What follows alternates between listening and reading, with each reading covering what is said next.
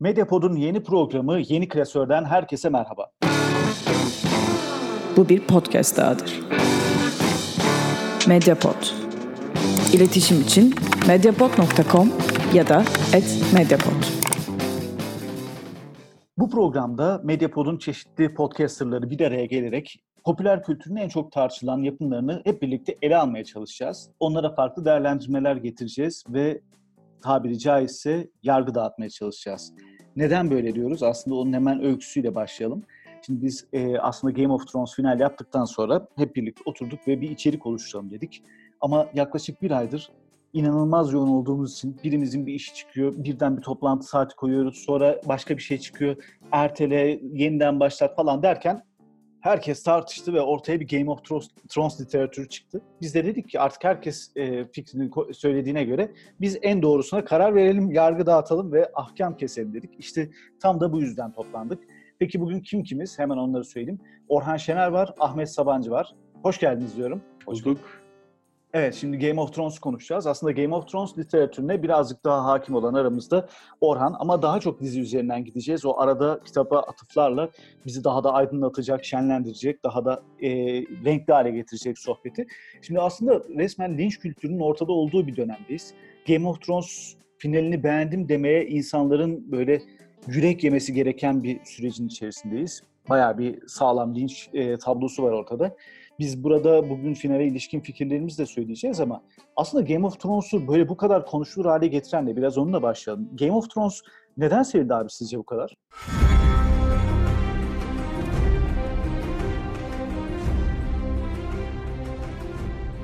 Ee, öncelikle hani bu konuda uzman değilim tabii bunun bir doktorası vesairesi yok ama biraz okudum, biraz düşündüm üzerine. Ee, yani neden sevilir? Genelde insanlar neden seviyor? Buna dair birkaç şey okudum, kendi düşündüklerim var. Bir onlara değineyim. En sonunda kendim neyini sevdim, ondan bahsedeyim. Bir kere bunları tabii düşünürken, bahsederken hani en sona neler ters gitti biraz onu da düşünmek lazım. Bu sevilenlerin bazıları yoktu ki o sebepten belki de son sezon sevilmedi. İlki şu, Game of Thrones ki aslında hani kitap serisi biliyorsunuz Buz ve Ateş'in şarkısı hani taht oyunları sadece ilk kitabında da ama genel dizinin ismi bu olarak kabul edilmiş. Bir kere realizm ve sebepsellik yani nedir? Bir Hollywood yapımında genelde şunu görürüz değil mi? Bir karakter olması gereken yerde olur. Senarist ona işte şu noktada şurada olacak der ve orada olur. Biz de sebebini çok sorgulamayız çünkü bu bir film der geçeriz. Bir kurgu der geçeriz. Ama Game of Thrones'da e, yazarın, yaratıcı Martin'in yaptığı şöyle bir şey var. Karakterleri o kadar anlamlı bir şekilde geliştiriyor ve etraflarında olup biten ile öyle anlamlı bir şekilde e, bir ilişki haline sokuyor ki karakterler çok saçma gözüken bir şey yapsalar bile ya da başlarına hiç olmayacak bir şey gelse bile hiç kimse şunu demiyor. Yok canım öyle şey olur mu? Aslında dediğiniz şu oluyor. Evet böyle olması gerekiyordu. Çünkü buraya kadar gelen olay dizgisi bizi buraya getirdi. Yani gerçekten deterministik bir süreci görebiliyorsunuz. Baştan sona bir çark mekanizma çok iyi işliyor ki bu dizide böyleydi. Kitapta anlatılamayacak kadar muazzam. Yani o kadar in, bu kitabın bir türlü bitirilememesi sebebi. Çok ince bir işçilik var. Bence iyi ki bu. İkincisi Evet. Aa, önce abi. katılmadığınız nokta varsa tabii lütfen belirtin. Buna katılıyorum. Ee, tabii yani burada yine finali konuşmamız gerekecek bu e, senin söylediğin nokta için ama e, aslında şunu söyleyeyim. Yani başından sonuna yani ben mesela ilk baştaki ile sondaki arasında o mesela belli bölümlerde hatta görmüşsünüzdür Arya Stark işte sonuna ilişkin e, her şey bittikten sonra Westeros'un batısına o haritaların olmadığı yere gideceğim diyor. Ne bileyim diğer karakterler aşağı yukarı ipuçlarını veriyor. Yani her şeyini başından sonuna tutarlı dizmişler gibi. Tabii bütün bunların arasında neden beğenmediğini konuşacağız ama bu dediğine bu noktada katılıyorum ben. Kesinlikle katılıyorum ama aslında hani bir noktada dönüp baktığımızda da bu son iki sezonun çok fazla beğenilmemesi ve son sezonun beğenilmemesinde de hani detaylı olarak konuşacağız niye bu son sezonla ilgili böyle tepkiler var. Hani senin bahsettiğin bu durumla ilişkili bir sorun var ortada. O yüzden birçok insan aslında son sezona karşı tepkiliydi biraz. Evet. evet. Kabul edemediler evet. galiba. O spesifik Daenerys meselesini ayrıca belki bir bölüm yapalım. Çünkü Daenerys olayı e, bence en az kabahatli oldukları yer ama buna tekrar gelelim isterseniz. Tamam. Hı hı. İkinci mesele de bu e, e, bir hocamız var Zeynep Hoca, Zeynep Tüfekçi. Onun e, bir yazısında görünce dank etti bana. Şöyle bir argümanı var. Diyor ki e, Game of Thrones esasında sosyolojik bir hikaye anlatıyordu. Ve bu normalde Hollywood'da gördüğümüz bir şey değil. HBO eserlerinde olabiliyor ama sonra e, psikolojik bir hikaye olmaya döndü. Yani neyi kastediyor sosyolojik psikolojik? Bu biraz şu aslında. E, işte bu sosyolojide hep lafı geçen e, agency versus structure. Yani sen biz hep konuşuyoruz ya coğrafya kaderdir, kader midir? Hani Türkiye'de Aha. doğmak değiştirilemez bir durum mu? Bir insanın kendi şahsi işte doğumundan büyüğüne kadar yaptığı bütün o öznellikler bütünü var. Yani beni ben yapan kendime ait şeyler. Bir de içinde doğduğum ortam, din, devlet, aile, kültür, tarih vesaire. Bu da yapı. Şimdi buradaki argüman şu. Deniyor ki Game of Thrones Hollywood eserlerinin aksine bir bireyin ya da bireylerin birbirleriyle olan ilişkisinden doğan bir hikaye anlatmıyor. Karakterin psikolojik olarak dönüşümünü anlatmıyor. O bireylerin kendi kişisel motivasyonlarının içinde bulundukları yapı içerisinde nasıl geliştiğini ve o yapıların birbirleriyle olan etkileşimini anlatıyor. Tam da bu sebepten karakterlerin ölmesi e, olay örgüsüne zarar vermiyor. Daha ilk sezonda esas olan dediğimiz Eddard Stark ölünce şok olduk. Evet ya. Onu hiç beklemiyorduk değil mi ya? Sen gerçi kitabı okudun ama O noktada okumamışım. Ben diziyle başladım. Sonra kitaba geçtim. Ve aklım çıktı. Ben hiç öyle bir şey beklemiyorum. Aklıma Evet da gelmiyor. Bir kere büyük kontratlı adam öyle hadi yani bir sezonluk Ama- yani. başrolü öldürdünüz ne yaptınız diye. Ya bir şeyler yanlış diye düşünüyorsun. Ve o bir kapanış değil açılış oluyor. Muazzam bir yere gidiyor ondan sonra. Bunun sebebi şu. Game of Thrones Eddard Stark'ın hikayesi değil. Game of Thrones hani e, Stark hanedanının hikayesi de değil. Yedi Krallığın hikayesi de değil. Westeros'un da değil. Essos'un da değil. O bütün bu tarihselliğiyle bu evrenin aslında e, hikayelerinden birisi. Ve hani geçmişiyle bugünle falan bir çözüm yaşanacak kritik bir ana götürüyor bizi ve burada birçok alegoriyle birlikte hani dünyamızda da paralellikler var falan. Şimdi normalde böyle olan bir hikayeyi sen alıp son iki sezonda sanki karakterler şeyden şirazesinden çıktı yani e, büyük etkileşimlerin olması lazım ama sanki yok gibi. Ba- bazı şeyler uçtu gitti. Citadel nerede? Dorne niye öyle oldu? Doğuda neler oluyor? Ama bunun böyle olmaması lazım falan. Yani bütün o büyük büyük resmi bir türlü göremez olduk. E, sebebi de tabii ne? Hani bunun kitap materyali bitince yapımcılar mecburen e, o ana kadar yaptıkları o sosyolojik hikaye anlatımı değil, bildikleri şey olan psikolojik hikaye anlatımına döndüler. Bu da zaten herhalde insanlar şey dedi ya, bu ne abi biz ne izledik tam olarak? Farklı gelmesinin sebebi bence buydu. Sizin Ama abi yani ben o konuda şunu düşünüyorum. Şimdi e, söylediğin doğru ama mesela insanlar genelde belli bir son kurmuş kafasında. Benim daha çok böyle hayal kırıklığı yaratmasının sebebi e, bu sona erişmemesinden kaynaklanıyor insanların kafasındaki. Yani şunu Katılıyorum. beklemiyorlardı. Son bölüme e, mesela karakterlerin öyküsünü sorgularken şuna geldiler. Ya e, kalesi neden delirdi? Arya neden e, Cersei'yi öldürmekten son anda vazgeçti? İşte o niye oldu böyle yani bir kere şu var, evet belli tutarsızlıklardan bahsedebiliriz ama insan doğası gereği zaten tutarsız değil mi? Yani e, her şeyin sonunda, günün sonunda neticede Arya Stark bir çocuk öyle ya da böyle çocuk hala. Yani en sona kadar o katil olma motivasyonunu beklemeyebilirsin. İnsanların hayal kırıklıkları böyle son anda karakterlerin çok farklı davrandığı yönündeydi. Mesela Bran Stark'ın da kral olması onlar için bir hayal kırıklığı oldu belki de. Yani aslında e, mesela sorsam Ahmet'e, nasıl ki Ahmet de benim gibi beğenenlerden, nasıl bir son istiyordun abi sen? E, onun yazdığı sonu diyelim bir yapımcı yayınlasa, ortaya koysa yine milyarlarca insan her koşulda beğenmeyecekti. Yani bu kadar popüler olan bir şeyin zaten sonunda beğenilmesi gibi bir şey çıkmazdı bence ortaya. Sen Ya ne diyorsun Ahmet? burada Yani şeyi söylemek istiyorum. Aslında bu son bir noktada da hani son sezon özellikle Zeynep Tüfekçi'nin yazdığı o sosyolojik hikaye anlatımına da çok uyuyor. Sıkıntı şuradan kaynaklı biraz da belki de insanların bu kadar beğenmemesinde. İnsanlar hani Orhan'ın da dediği gibi bunun bir sosyolojik bir hikaye. Yani aslında evrenin hikayesi olduğunu ve hani o karakterlerin o kadar da önemli şeyler olmadıklarını unuttu. Hepsi kendi kafasında o karakterlerle ilgili fantaziler kurdu. Onlar için işte taraf tutmaya başladı. Yani Reddit'te son sezon başlamadan önce Reddit'in ana sayfasına girdiğinizde size şey anket çıkıyordu.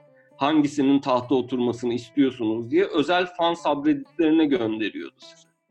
Yani sen bu karakterlere bu kadar bağlanırsan hani karakterlerin çok da önemli olmadığı bir öyküde bu kadar bağlanırsan beğenmemen çok normal. Yani sonuç olarak aslında belki de hani bu hikayede hani benim beğeniyor olmamın sebebi şeyi vermiş olması ki hani biliyoruz sonuçta George R. R. Martin'in de istediği final bunun gibiydi. Elbette onun yazış şekli çok daha farklı olacak ama eğer bir gün bitirebilirse ölmeden önce şeyi hani aslında ne olursa olsun bir şekilde hani ne kadar mücadele etsen de ne kadar değiştirmeye çalışsan da o statüko dediğin şey dönüp dolaşıp kendisini tekrarlayacak şeyini vermeye çalışmış. Evet hatta Sen... o en son e, şeyde hep birlikte Tyrion önderliğinde oturup sohbetlerinde falan özellikle onun e, vurgusu çok vardı. Ne olursa olsun. Aslında bir yazı okumuştum. Film Lovers'da olabilir. Her şey aslında rücu etti. Karakterler de, olaylar da. Yine ortaya bir statüko çıkacak. Ya işte aynen hani aslında o yüzden beni son bölüm mesela fazlasıyla tatmin etti. Çünkü hani açıkçası benim beklediğimde öyle bir şeyin olmasıydı ne olursa olsun. Ha bunu yapabilecek harbiden hani en iyisi Brand'i. Çünkü Brand harbiden geçmişi de geleceği de görüyor. Geçmişte statükonun nasıl bir şey olduğunu en iyi bilen o, onu geri kuracak birisi varsa o da oydu tabii ki. Evet ya yalnız Jamie'nin de ne öngörülü olduğunu ilk bölümden gördük ya. Çocuğu attı aşağı. Adam tam bir Kingslayer ya. Hani bununla ilgili bir tweet de vardı hatta. Paylaşmıştık ya. Resmen Kingslayer professional yani adam da böyle gelecekten görüp öldürüyor ya. Sadece Kingslayer değil, Kingmaker adam işte. Çok evet ya. Aynen. Ortamı şartları hazırladı. Yani şu son dediğinizle ilgili olarak benim kesinlikle şeyle derdim yok. Son varılan yer. O çok ilginç geliyor bana. Yani e, insanlar garip bir şekilde R.R. Martin'in e, yapımcılara vermiş olduğu tek noktalar olan karakterleri son geldikleri yer ve işin sonunu eleştirdiler. Orada hiçbir sıkıntı yok. Sadece gidiş yolunda sorun var. Yoksa tabii ki Daenerys'in yaptıklarının şaşılacak hiçbir tarafı yok. Hatta yani o tweet'i bir bulursam size göndereyim. Bir sene öncesinde biz bunu eserlerimizde yazdık. Dedik ki efendim Game of Thrones Daenerys Targaryen'in kahramanlık hikayesi değil. Kitabı biraz dikkatli okuyanlar zaten görür ki Daenerys bir manyak olarak gelişiyor ilk kitaptan itibaren. İşte ya kardeşinin kafasına şey saf altın döktürdü, erimiş altın döktürdü evet, yani. Yani düzgün bir şekilde izlenirse dizide de bunlar anlaşılabilir. Kitapta da bu vardır. Çoğu insan böyle çok büyük bir Daenerys fanlığı vardır.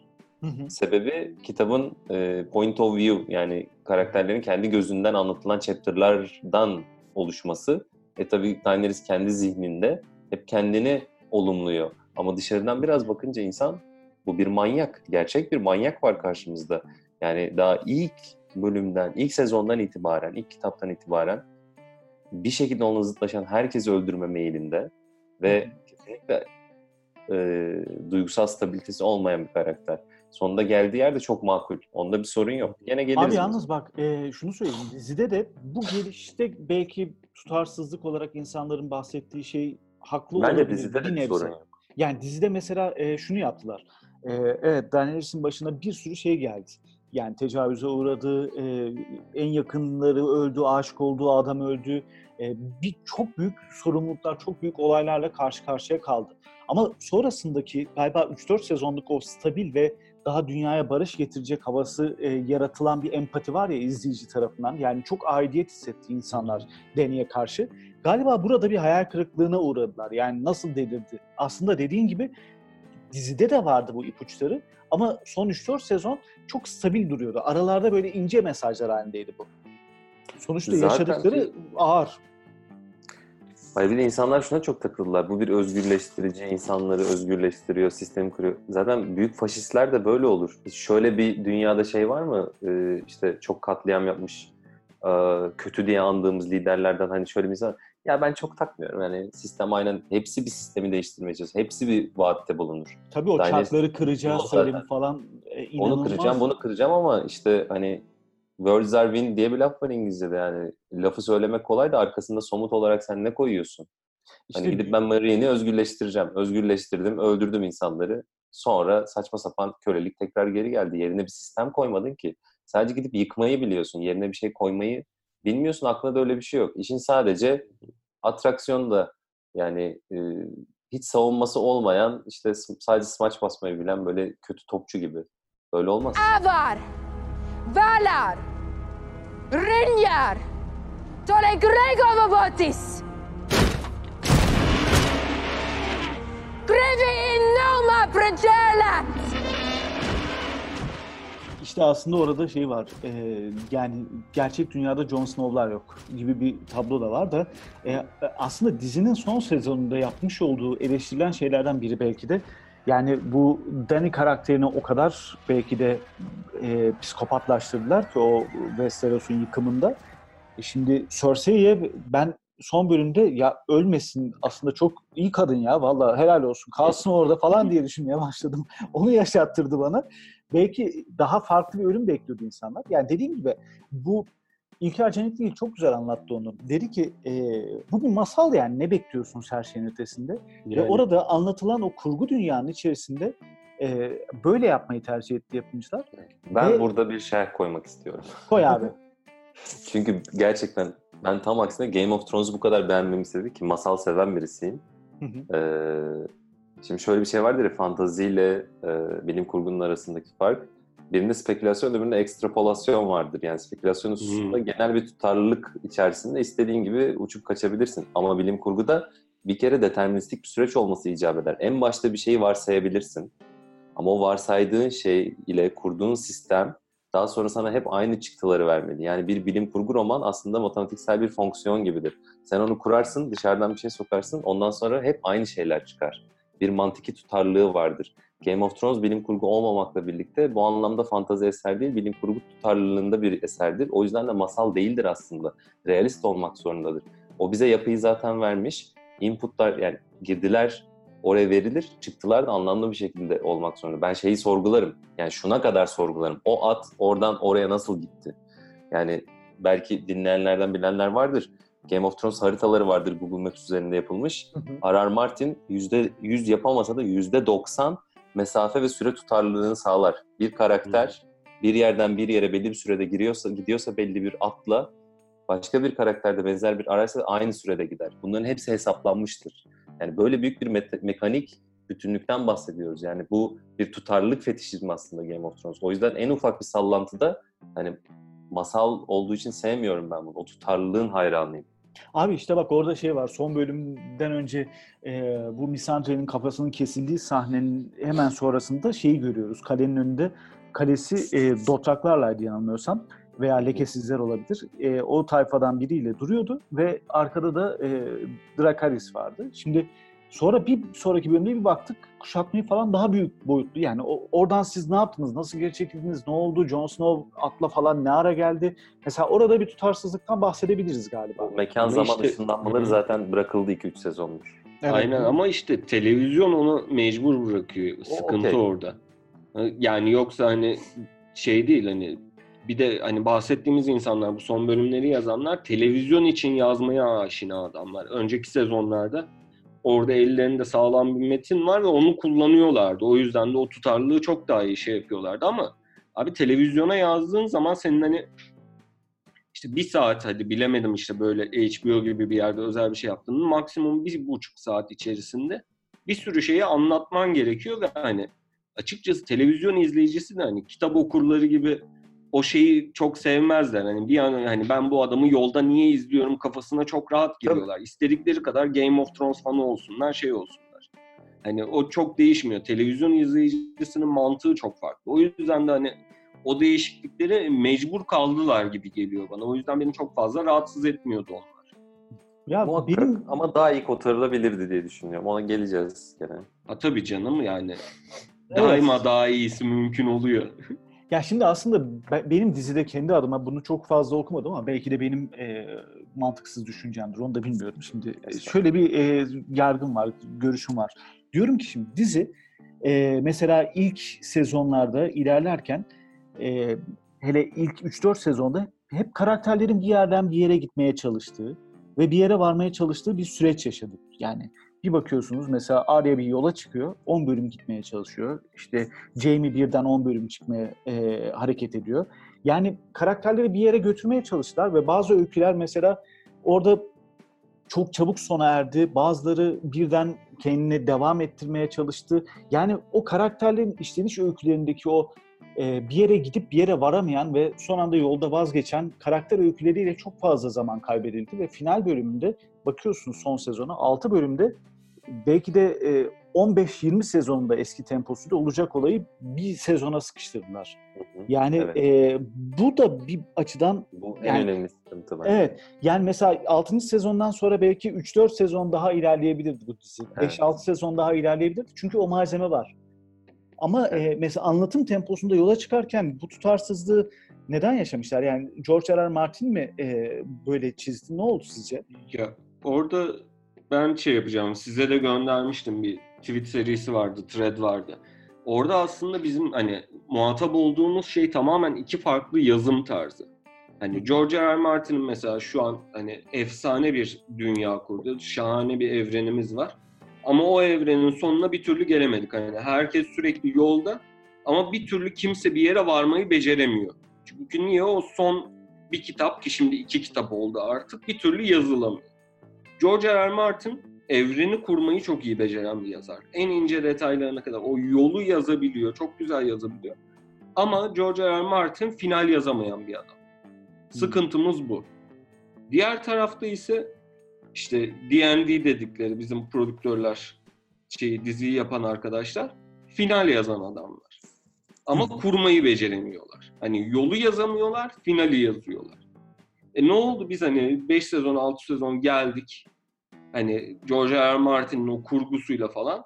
E ama bitti hani bir, bir finale bağlanması gerekiyor. E bu adamların da tek bildiği şey final yazmak.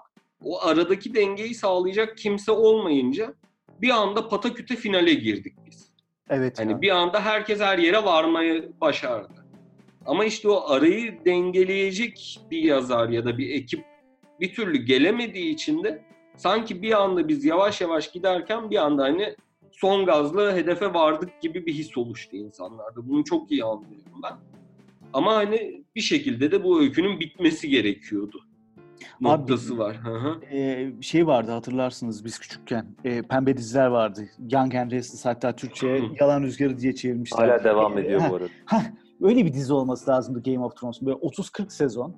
İşte Arya büyüyecek, yaşlanıp ölecek falan filan gibi. Çünkü hakikaten öyle bir evren var ortada. Öyle bir kumaştan bahsediyoruz. Ama e, işte Hollywood ortaya bir nihai final çıkarma konusunda biraz tutkulu olduğu için e, ve maliyetleri de göz önüne alınca aslında ortaya ister istemez kaçınılmaz olarak bu final çıktı gibi. Çünkü bir de iki sezon ara verdiler galiba değil mi 7'den sonra?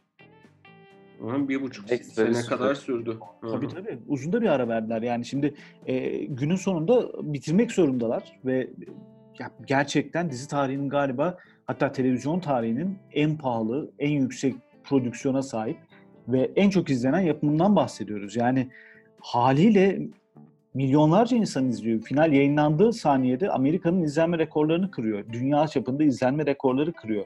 Bizim ülkemizde insanlar saat 4'te kalkıp Game of Thrones izliyor. Yani e, aslında bakarsan bayağı ciddi bir olaydan bahsediyoruz. Ve bu yüzden belki de bütün bu çatışmalar ister istemez hiçbir yerde tatmine erişmiyor. Ve o kopukluklar tam olarak adı konamasa da mesela tepkilerin sebebi belki o ama bu tanımlamayı herkes çıkaramıyor olabilir ortaya. Yani mesela senin söylediğin çok doğru Ahmet. O final koşturma temposu var ya ona ilişkin tespitin çok doğru bence. Orada tam zaten önümdeki notlarda duran son madde yani birkaç madde daha var ama şuna bir değinmek istiyorum. Hani neden sevildi diyorduk ya. Bir kere Game of Thrones'u insanlar şimdi en sonunda aslında çok güzel bir yere e, değindin Emre. İnsanlar tam açıklayamadı, kelimelere dökemediler ama sezgisel olarak şunu hissettiler. Ya çok telaşa getirmiş ya ben bunu sindiremedim. Hani bak Daenerys dendi, Arya dendi, Bran dendi. Hiçbir sorun yok bu arada bunlar gerçekten. Hani kitabı okumuş birisi olarak söylüyorum ve R.R. Martin'in gitmeye çalıştığı yeri 3 aşağı 5 yukarı tahmin eden birisi olarak. Aynen böyle olacaktır zaten. Onda sorun yok. Ama o kadar hızlı getirildi ki insanlar bunu sindiremedi. Tam da Ahmet'in dediği sebepten. Çünkü R.R. Martin bir e, mimar yazarlardan değil, e, daha çok bahçıvan yazarlardan. O alıp Hı hı. hani üç aşağı beş yukarı gideceği yere dair bir fikir var ama işte yani bir mimar nasıl önünde taş var ve yontarsın sen onu iyi kötü hani zorla kanırta kanırta ama R.R. Martin'de o yok. O bir bahçıvan gibi bir yere bir şey ekiyor o yanından başka bir şey çıkıyor onu kesiyor biçiyor yani daha organik bir süreç. Karakterleri yazdıkça geliştiriyor. Çünkü deterministik bir süreci o kadar böyle sonuna kadar baştan e, işlemen mümkün değil. Önüne çıktıkça sen bazı zarlar da atıp kafanda bir tutarlık içerisinde işleyebiliyorsun. İş o yüzden uzadı. O uzamış olan şeyi de tabii diziye yansıtmak çok zor. Tam o noktada hani dedik ya kaç sezon olacak, uzun mu olacak, kısa mı olacak, en yüksek bütçe, çok izlendi falan. Şimdi bu dizinin e, son iki sezonunu düşünelim. Şeyden itibaren, Battle of Bastards'tan itibaren düşünelim. Hı Ve öncesini. Şimdi ne en büyük fark ne? Savaş sahneleri. Değil mi? Evet. Şeyi düşünelim. İlk sezonda işte Tyrion'un eee, ilk kez işte babasının yanında bir tane eee, kol bir kanadı yönettiği bir savaş vardır. Biz bunu nasıl izleriz? Savaş bitmiş, Tyrion böyle baş aşağı, onun baş aşağı görüntüsünden birkaç ceset görürüz ve biter. Ya da. Robb Stark'ın fısıltılı orman eee, savaşı, Jaime'yi esir aldığı, bir kare bile dövüş görmeyiz. İşte kenarda bekleyen Catelyn'i görürüz. Eee, ve işte Robb gelir kazanmışlar. Veya eee, en hani savaşa benzer şey gördüğümüz e, Blackwater e, işte müdafası. Hani evet bir yere kadar görüyoruz ama çılgıncasına bir savaş değil. Mesele savaşın kendisini göstermek değildir ki R.R. Martin kitaplarda savaşı hiç tasvir etmez. Yani son savaşı edecektir muhtemelen. E, yani bazılarını eder ama ekseriyetle etmez. Bir sebebi de bunun Pov karakterlerin yani esas işte bizim zihin dünyasından gördüğümüz karakterlerin açık vermesini istemez. Ee, o sebepten de gerçek böyle kumandan olan karakterler POV değildir. POV olmadığı için de biz bunu göremeyiz. Hiçbir savaşı tasvir etmez. Dizide de böyle korunmuştur. Ama son bölümlere geldiğimizde iş şuna döndü. Battle of Bastards'dan itibaren. Baktılar ki aa insanlar böyle savaş görünce seviyor falan. Bütün olayı oraya kaydırdılar. Bütçenin tamamı CGI'ye gitti. Evet. Çılgıncasına ejderhalar uçsun. Ben o kadar ejderha görünce Merlin izlediğimi zannediyorum zaten. Komik bir hal alıyor. Yani şimdi düşünün ilk sezonları bizi etkileyen neydi mesela? Arya'nın aldığı işte şey dans, tırnak içinde dans eğitimleri değil mi? Hani ölüme ne deriz bugün değil. What do we say to the god of death? Not today. Ya da e, ne kadar güçlü diyaloglar vardır. Peter Baelish'le Cersei'nin işte asıl güç budur falan. Ya da e, Varys'le Peter Baelish'in işte Hı e, güç, iktidar, insanlar onun nerede olduğunu düşünürse oradadır falan. Oradaki tension, oradaki yaratılan gerilim muazzamdır ve tek bir kılıç vuruşu bile görmeden etkilenirsin. Yani tek bir diz çökme her şeyi değiştirir. Tek bir evet, hayır ya da bakışla böyle insanlar gerilir ki televizyon izleyicisi de buna bayıldı. Yani şey demiyorum böyle o zaman çok sofistikeydi, az insan seviyordu ama sonra şey hayır bu değil. Aynı insanlar bunu seviyordu.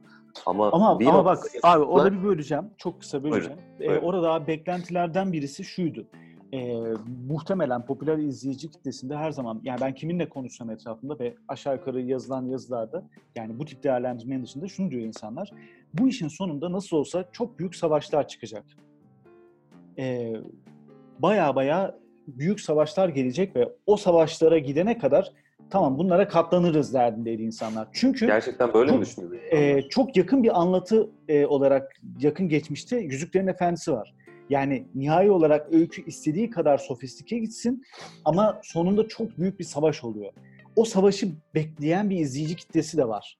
Yani ki e, Hollywood'un belki de alameti farikası orada. Yani bunu birazcık daha e, masalsı kılan kısmı, hani masal dediğim ve senin eleştirdiğin yer var ya, insanlar onu bekliyordu gibi. Yani, Yani biraz da seride de 6 sezon Şey beklediler. Ne biliyor ki adam birinci sezonda nereye gittiğini. ama, Ama işte şey var abi. niye sevdi bu diziyi?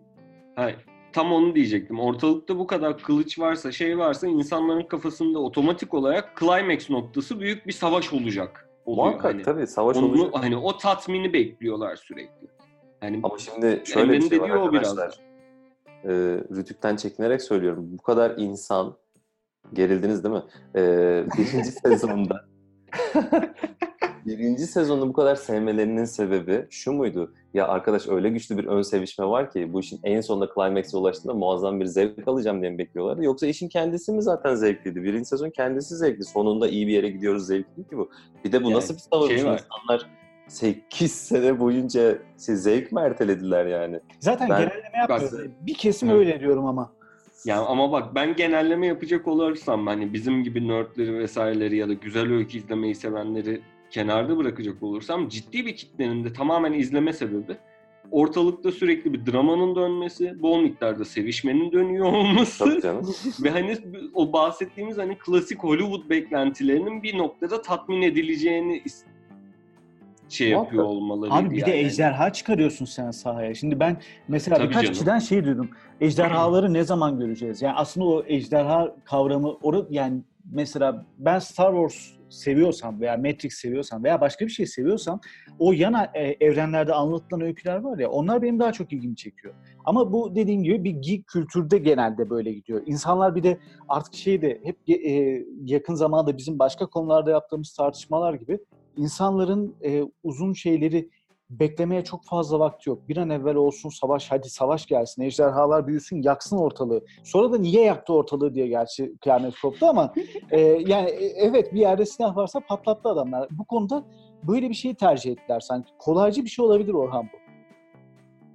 Yani sanırım öyle ama bilmiyorum. Ejderha bu kadar sevilen şeyse içinde ejderha geçen diğer yapımlara bakın. IMDB puanı 3 falandır. Ejderha ekranda gösterildiği zaman direkt cheesy olmaya çok müsait bir Niye öyle diyorsun Hayvan ya? mı? How to Train Your Dragon serisi Ha, gayet o seviliyor. sempatik. Aa, Ben abi o da çok severim. güzel Ama ya. o- O, Ejderhalar kediden modellemedir. Kedi izliyorsun aslında sen. Hani vallahi ben Arkadaşlar, o ağladım. kadar o yüzden sevdim ben o zaman. halkımız bu kadar ejderha seviyorsa hazır yapılmışı var zaten bunun. Margaret Weiss, Tracy Hickman, e, Dragonlance Chronicles, Ejderha Mızrağı serisi. Ot, ot kusunlar. Ben okudum. 15 kitap. Çok da güzel. Sırf ejderha, yaz ejderhası, kış ejderhası. Güzel seri yani. Ama bak geek kültürden gelen şey de bu e, biliyor musun Orhan? Yani ejderha var ya öyküde. Abi e, ejderha fark yaratacak handikaplı galibiyet yazıyor yani şey e, kalesiye. Bütün tablo buradan yola çıkıyor ve büyük savaşlar bilmem ne falan. E, en başta o söylediğin savaşın sadece sonunun gösterilmesi güzel ama mesela e, o kitle onu beklemiyor yani. O kitle abi bir bölümlük savaş ya. Sonra da eleştirdiler ya çok karanlık diye. Yani, Yani sonuçta Karanlık zannetmiyorum her ne kadar milyonlarca kişi izledi final bölümünü falan da benim gibi mesela son sezon boyunca o girişteki jenerik kısmındaki haritada ne değişti diye deli gibi gözünü dikip bakan kaç kişidir yani aralarında. Vardır gene bayağı da %5'tir herhalde. Ha yani hani işte o yüzden yani biz o yüzde beş noktasındayız biraz da. Yani orada bir şirazesi kaymış ama şimdi onu kabul edeyim. Çünkü CGI'de bu kadar abartıp böyle işi uçan kaçana yığmaktansa o bütçenin bir kısmı ek bölümlere harcanabilirdi. Çünkü Ya fazladan sezon belki zor olabilir ama işte bu dediğim patakütelik olmayabilirdi. Şeyde değilim yani Jaime'nin gittiği bütün işte Winterfell'den King's Landing'e giden bütün işte kral yolunu aşını görmeyelim tabii. Orada zıplamalar olabilir de biraz tutarlılık ya yani hop hop hop. Yani arada hiçbir geçiş yok. Aynen mesela geldi koca adam. bir koca bir final sezonu boyunca benim en büyük soruma cevap verilmedi. Neydi abi? Atpaya ne oldu? Hatpay devam ediyor işte şeyine. O pastane. Nerede? Pastane. Görmek istiyordum. Benim en büyük sorum buydu mesela. O aynen devam abi. Görmüyorsan yaşıyordur. Ya işte Ee, e, öykülerin gidişin yani e, belki de o hep başından beri konuştuğumuz şey şu oluyor. İlk 5-6 sezonda belki de o bizim daha hoşlandığımız tatta giderken o iş biraz daha yapımcıların eline geçtiğinde biraz daha e, olaya fanatizm katan izleyiciyi işin içine aldı. Neticede e, günün sonunda şöyle bir şey çıktı. Yani biz burada ya Orhan sen de hani ortada duruyorsun beğenip beğenmeme konusunda. Ahmet'le ben Ben beğendik ama İzlediğim şeyden haz aldım. Onda sorun Ha, yok.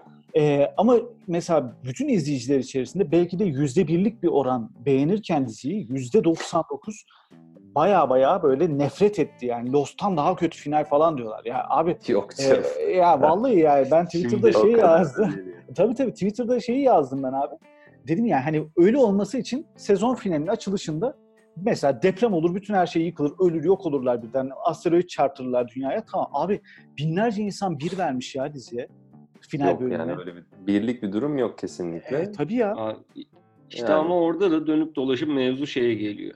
Yani aramızda konuştuğumuz gibi küt pataküte söylemeyeceğim ama insanlar internette bir şeyden nefret etmekten tatmin oluyorlar. Evet. Aman hani birileri bir şeyden nefret ediyorsa dur ben daha çok nefret edeyim. Dur ben daha çok küfredeyim. Dur ben daha çok itin bir yerlerine sokayım. Kafası interneti alıp götürmüş durumda. Çünkü niye? Sen daha çok nefret edince 2-3 like, 2-3 RT daha fazla alıyorsun, şey oluyorsun. E ama sen hiçbir halktan anlamıyorsun ki hani o şekilde pataküte girdiğin zaman da yani. Hani birinin de dönüp bunu bunların suratına söylemesi gerekiyor. Ha, ne oluyor ama sonra bunu Twitter'da söylediğinde atıyorum. YouTube'da söylediğin zaman lincin kralı geliyor. Yani o yüzden de hani şeyi ben açıkçası hani popüler kültür eleştirisi ya da popüler kültür üzerine konuşmak için en kötü yer sosyal medya. Evet ya. Yani böyle podcast gibi ya da ne bileyim blog gibi daha o kadar da sosyal olmayan internet alanlarında bunlara dair daha makul, daha aklı başında sohbetler, tartışmalar dönüyor. Ama işte sosyal medyaya dönüp baktığın zaman zaten dünyadaki herkes geri zekalı ve o hesabın sahipleri çok zeki. Evet. Öyle olunca da tabii hiçbir şey adam akıllı konuşma şansın olmuyor. Yani hani Orhan'ın yaptığı eleştiriler gayet mantıklı. Hani hiçbirine ben dönüp de abi yok hani orada haksızlık ediyorsun diyebileceğim bir şey yok. Heh, kesinlikle Ama kalkıp abi. bunu bunu mesela Twitter'da konuşamaz. Twitter'da hani Orhan bu söylediklerini yazdığı zaman hop sen de işte bilmem ne misin, gerizekalıca bölümde bilmem ne diye diyecek 10 tane adam gelecek karşısına. Ben Ya yazınca tabii, genelde iki like falan alıyorum. Bir tepki alamıyorum. Yani böyle Hı hı. sanki Abi bir tanesi gibi. benim zaten, bir tanesi de Ahmet oluyor genelde bu konuda. Ama bak o konuda abi siz eleştirseniz de o e, o söylemin tam karşısında örneğin e, İlker Canikligil'i ben o yüzden değerli buluyorum biliyor musun? Yani tam o üslupta bir e, ben bu yüzden beğendim işte e, videosu çekti ya. E, bence oraya cuk oturdu. Yani işi daha provoke etti ve yani biraz daha tartışmayı farklı mecralara çekti. Bilmiyorum izleme şansınız oldu mu ama biraz daha farklı boyutuyla ele aldı tamam mı? Dedi ki yani ya yapımcı böyle yapmış kardeşim beğeniyorsan beğen yani. Çok basit. Nasıl bir son istiyordun ki sen? Ne bekliyorsun yani? Ya Abartmaya gerek zaten yok. o da ayrı İstiyorsa şey. 100 yani. sayfalık manuskriptimizi verelim. Bilmiyorum ben kim olduğunu bilmiyorum kendisinin ama e, hani yapımcı öyle yaptıysa e, kusura bakmasın yapımcı ama yani yanlış yapmış. Ben Abi- öyle yapmış olmuşu kabul edemeyeceğim. Ya işte e, orada yine neticede şeye geliyor. Yani yine tatmin edici bir bölümden bahsediyoruz falan filan efektleriyle, o suyla bu suyla da e, bu beğenmeyen kişilere mesela neyi beğenirdik abi? Yani ne olsa mesela daha çok beğenirdiniz? Yani atıyorum iki sezon olup e, uzatıp yeniden Bran kral olsa mesela mutlu olur muydu insanlar? Veya Yok abi. İnsanların o insanların- belki. O insanların mutlu olmasının tek yolu D&D'nin hepsinin tek tek kafasındaki fanfiction'ı telepatiyle okuyup ardından her biri için özel olarak final sezonunu yazıp çekip onlara özel olarak göndermesi olur. Jaime'nin kral olmasını istiyorsanız şuradan devam edin. Şurada Kalesi kral oluyor bilmem ne falan şeklinde böyle 20 sonlu falan bir e, final tatmin ederdi herhalde insanları. Yani insanların %80'ini Disney finali tatmin edecekti. Daenerys'le işte Aynen. Evlenecek, çocukları olacak ve işte krallıkta kölelik bilmem bitmiş falan. Böyle saçma sapan bir şey %80'ini Abi öyle bir şey yok ki dünyada. Hangi savaş öyle bitmiş? Hangi olay öyle bitmiş? Yok o zaten patetik bir şey olurdu yani. Tabii canım diziyi iyice Lost'tan beter yapardı. Bir de bir tablo vardı görmüşsünüzdür. Evet. E, Rönesans tablosu gibi koymuşlar yanında ejderhalar, çocuklar. Tyrion'da şey evet. tövbe. Ee, böyle bir şey yok. Bir küçük nokta daha var arkadaşlar Buyur son abi. olarak. Hani nasıl bir son görmek isterdiniz hususuna da giriş açısından belki de. Şimdi e, New Yorker'da muazzam bir yazı çıktı. Tabii ki New Yorker'da olunca muazzam oluyor zaten. Ee, ne öğrenebilirdik biz Game of Thrones'dan? Hani bize ne verebilirdi ama ne eksik kaldı? Şimdi hatırlayalım. İlk sezonlarda hep vurgulanan bir tema vardı. Biraz önce bahsettim. Bir Cersei ile e, Peter Baelish'in işte güç budur diyordu Cersei'yi. Direkt yanındaki adamları öldürün deyince. Hani tek ağzından çıkan tek lafla seni öldürebilirim. Güç budur. Hani Peter Baelish çok daha soyut bir güç üzerine düşünüyor ama hayır. Güç o değildir. Budur. İkincisi de Varys'in söylediği kılıçlı bir adam var. İşte bir papaz, bir kral. Neydi üçüncüsü? Ve zengin bir adam. Bir tüccar, bir rahip ve bir kral var. Karşısında kılıçlı bir adam var. Üçü de işte kılıçlı adamdan diğer ikisini öldürmesini istiyor. Kılıçlı adam kimi dinler? Hani buradan neyi sorguluyorduk biz? İktidar dediğimiz şey nedir? Güç dediğimiz şey nedir? Varys'in verdiği cevapta insanlar gücün nerede olduğunu düşünüyorsa güç oradadır. Böyle sofistike şeyler düşünüyorduk devamlı. Şimdi en sona saralım. Son toplanan meclisi saralım. Ya- yazıda sorulan soru şu. Şimdi oradaki karakterleri hatırlayan var mı? Kimler vardı mecliste? Neyse şey var. Tyrion vardı, Tyrion var. Hı. şey vardı. O şey adını unuttum. Tarly vardı. Va- Heh. Sam Tarly vardı. Sam vardı. Hı. Sansa Stark. Değil mi? Yok Sansa yok. Sansa. Sansa kendi. Ken- Queen in kendi- the North. Hı hı. Tamam. Oradaki karakterleri tab böyle ta- tabi indi tabele düşünelim. Başka? Uf, Unuttum ya o bir tane şerefsiz vardı ya hani kafasına göre iş yapan. Şey, kibar tanımlama arıyor adam. o. Çok sıfat var. Aha, aynen. Şerefsiz diye. Ee, Gendry var. Değil mi? Baratheon hanedanının temsilcisi olarak. Öbür tarafta işte şey ee, nedir? Onion Knight ee, değil mi? Hatta ben burada olmalı mıyım falan muhabbetleri. Hmm. Oradaki karakterlerin hepsini düşündüğünüz zaman şimdi şöyle bir durum var. Bu insanlar kim? Bunların her bir yedi krallığın temsilcisi mi? Yedi krallığın temsilcileri var. Okey. Hani orada yalandan bir Dorn Prensi vesaire bir şeyler de var herhalde. Ee, bunlar var ama onun dışında böyle alt Evet. diyebileceğimiz e, beyliklerin lordları da var. Tamam. Hı hı. Peki bundan daha fazlası olamaz mı? Daha aşağısı olamaz mı? Orada tam olarak kimin olması lazım? Yani bu Westeros'un geleceğine karar verme yetkisine bu insanlar neye göre sahip oldu? Bu bir. İkincisi aslında tam olarak en başta Varys'in sorduğu soruya gel- gelmedik mi? Burada Ansalit işte değil mi? Başlarına Torkonudo var ve onun müsaadesi olmasa bunun yapılabilmesi mümkün mü mesela? Değil mi? Evet. Değil. Zaten kılıçlı bir adam var ve ona soruluyor bir manada. Biz ne yapalım diye. Peki bu adam neye göre karar veriyor? Yani orada Ansalid'in ve Torkonudo'nun tavırlarında bir gariplik yok mu? Biz bunları anlayabiliyor muyuz? Neden böyle bir şeye müsaade ettiği? Yani Jon Snow'un akıbeti mesela ilginç değil mi? Jon Snow bütün bu işleri yaptı ve nasıl sağ çıktı? Onun sonrasında neden böyle bir kader onu bekledi? Bu kararı ona kim verdi? Tyrion hani buradan nasıl çıkıp da oyun kurucu haline tekrar gelebiliyor? Bu işler bu kadar kolay mı? Ya Çok mesela bak orada şey. katılıyorum sana. Örneğin e, mesela Bran kral oldu. Artık mesela Stark ailesi kuzeyde yine hükmünü sürüyor.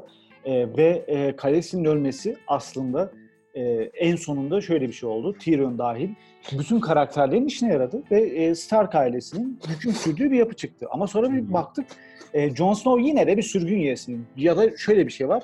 Çok net, çok sağlam bir hukuk düzenleri var. E, müthiş yani hiçbir şeyi kayırmıyorlar ne olursa olsun kralı öldürdü o yüzden yargılıyoruz falan gibi bir şey. Yani onu anlatamadılar evet. Ona katılırım.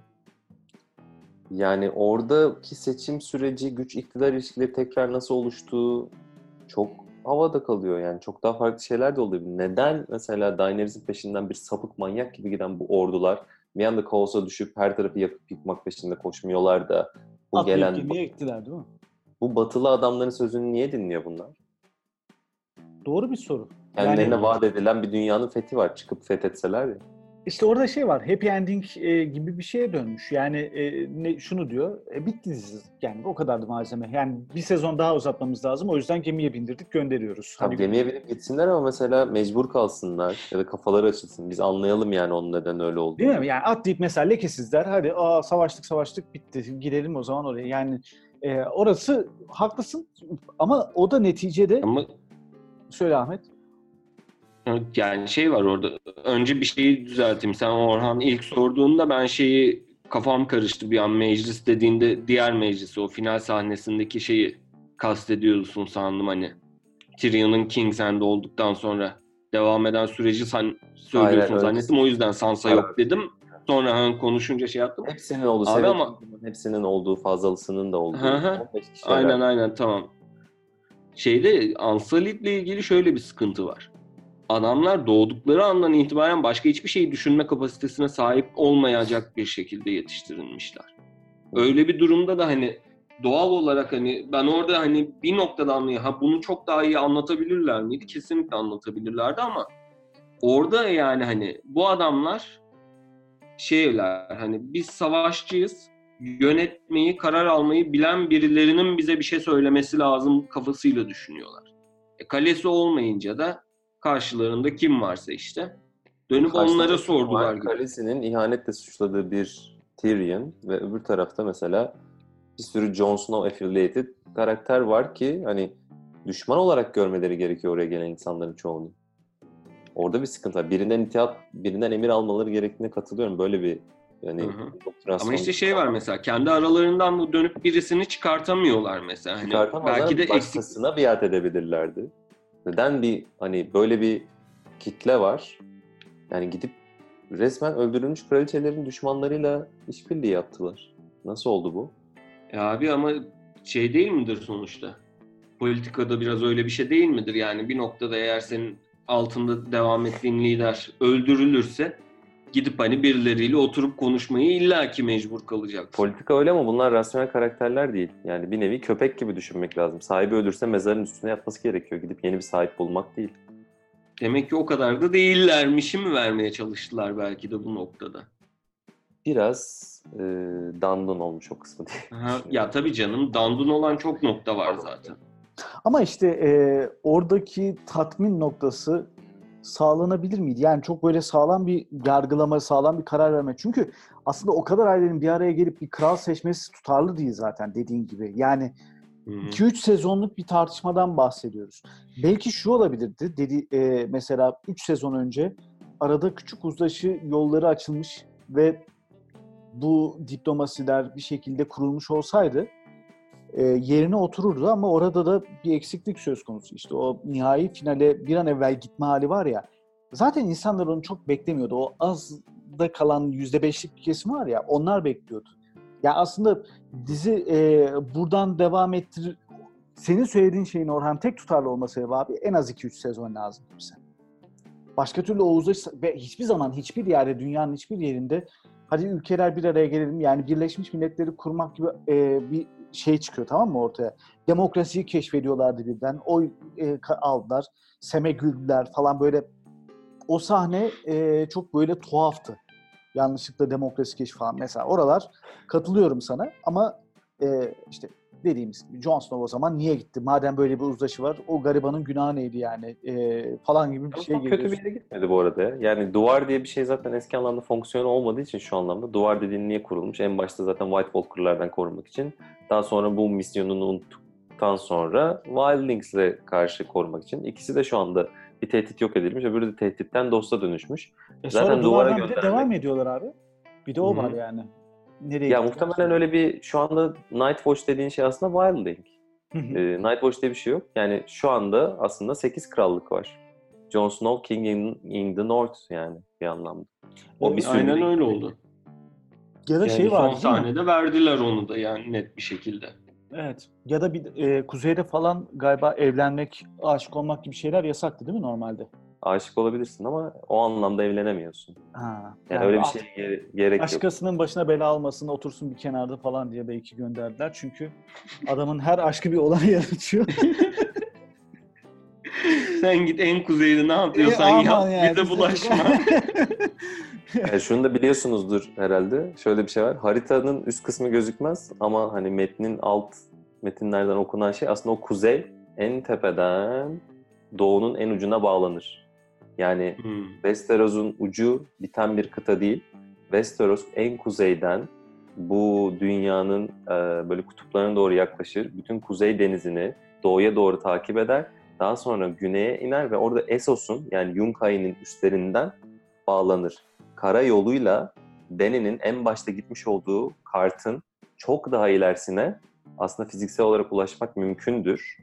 Ve hikayelerde hep anlatılan nasıl ki batının en kuzeyinde bir duvar var. Doğunun da e, kuzey doğusunda e, beş büyük defans kulesi vardır, tepeler vardır. Yani bir benzeri bu olayın doğuda da zamanda yaşanmış falan. Böyle de fantastiklikler var esas. Vay be aslında güzel spin-off malzemeleri var. Peki e, şimdi e, ufaktan noktalayalım. Bir e, Game of Thrones programı daha yapacağız galiba öyle görünüyor da çok şey var konuşmamız gereken. Bir de böyle hakikaten ekstrem çok heyecanlı anları falan konuşmak gerekiyor da.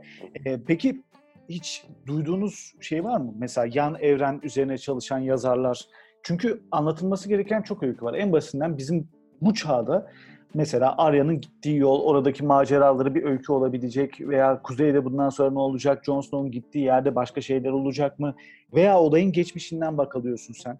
Birçok e, işte Bran'ın yolculuklarında geçmişe ilişkin çok öykü gördük. Onlara dokunan hikayelerle falan karşılaşacak mıyız sizce? Spin-off iki dizi çekiliyor diye biliyorum ben zaten. Dizi gelecek. Gelecek değil ama geçmiş yani Stark'ların geleceği, Targaryen'ların geleceği, şey, geçmişi diye. Aha. Kitap var mı Zaten- peki hazırlanan? Kitap zaten mevcut kitaplar sırf bununla dolu yani. Ha yani bütün Evet, bu e, geçmişleri falan olduğu gibi anlatıyorum. Ben kitapları okumadığım için. Valla işte sıfır yani evren yaratılmıştan bugüne bin tane hikayemiz var. Yani çok fazla hikaye var. Targaryen'ların özel olarak kendine ait bir e, kitabı da çıktı. Bütün Targaryen hanedanının geçmişi Bütün krallar tek tek anlatılıyor. Ee, ama normal hani orijinal kitaplarda ek notlara hiç girmeden yayınlanmış bir sürü ek malzeme var. Çünkü yan novellalar da var 10 tane falan. Onlara hiç girmeden orijinal metinde de çok fazla backstory ile zaten e, işin geçmişi tarif ediyor. En eski e, hanedan kim? İşte ne bileyim e, Targaryenlar aslında işte Valeria'nın e, önemsiz hanedanlarından birisi. Ya da işte First Man kim? E, Andallar kim? İşte Children of Forest kim falan. Bunların hepsinin cevabı var. Doğuda geçen bir sürü hikaye var. Çünkü bir karakter yeni bir mekana gittiğinde o öğrenirken oranın tarihini biz de öğreniyoruz. O yüzden uzun sürüyor zaten. Aslında e, bu benim soruma güzel yanıt oldu. Ben şeyden sonra bu sohbetten sonra hakikaten kitaplara e, saldıracağım galiba. Öyle duruyor. Çünkü ben kitapları okumamıştım ve şeydim. Aslında mesela kitabın bu kadar katmanlı olmasına çok ihtimal vermiyorum. Doğru söyleyeyim. Ön yargı olarak şey yapabilirsiniz. E, ama gerçekten merak ettirdin Orhan ya. İşte komisyonumuzu alıyoruz tabii biz de. Evet ya. E, hakikaten yargı dağıttığımız bir program oldu. Aslında popüler boyutların ötesinde biraz daha farklı şeyleri öne sürdük. Linçleri açığız. Her türlü e, şeyleri bize interaksiyonlarla iletebilirsiniz. Bir program daha Aynen. yaparız galiba değil mi? Bu arada linçlerin yanında eğer bulursanız Hatpa ile ilgili güzel fanfictionları da yollayabilirsiniz. Evet ya her türlü Gerçekten o konudaki her türlü fikre ve öyküyü açığım. Ee, bir de mutlaka arkadaşlar kim kimi döver bölümü yapmamız gerekiyor özel. Evet ya. O bölümü hatta spesiyel konuk olarak aslında bugün biz bu programı dört kişi yapacaktık ama yapamadık. Nihayet yapalım artık dedik yani. Yoksa hiç yapamayacaktık. Ee, bir sonraki bölümde Uraz'la birlikte e, kim kimi döver bölümü yapalım. Hatta e, evrendeki birçok karaktere ilişkin e-yorlamamıza devam edelim diyorum. Var mı ekleyeceğiniz bir Tamamdır. şeyler beyler? Teşekkür ederim. Vallahi Aynen teşekkürler. Evet, biz de bizi bu kadar dinlediniz, ettiniz. Çok teşekkür ederiz. Biz de farklı bir tarzı denedik bugün. Bakalım umarım beğenirsiniz siz de. Ama yeni klasör olarak böyle farklı farklı içeriklerle zaman zaman karşınızda olacağız. Biraz daha tam podcast'in kültürüne e, uygun bir şekilde zamandan bağımsız ne zaman yapacağımızı bilmediğimiz bir sonraki boş vaktimizde yeni bölümünü çekeceğimiz yeni klasörden hepinize hoşçakalın diyoruz. Yeniden karşılaşmak dileğiyle. Medyapod'un podcastlerine Spotify, Google Podcast, iTunes ve Spreaker üzerinden ulaşabilirsiniz. Medyapod'u desteklemek için patreon.com slash medyapod.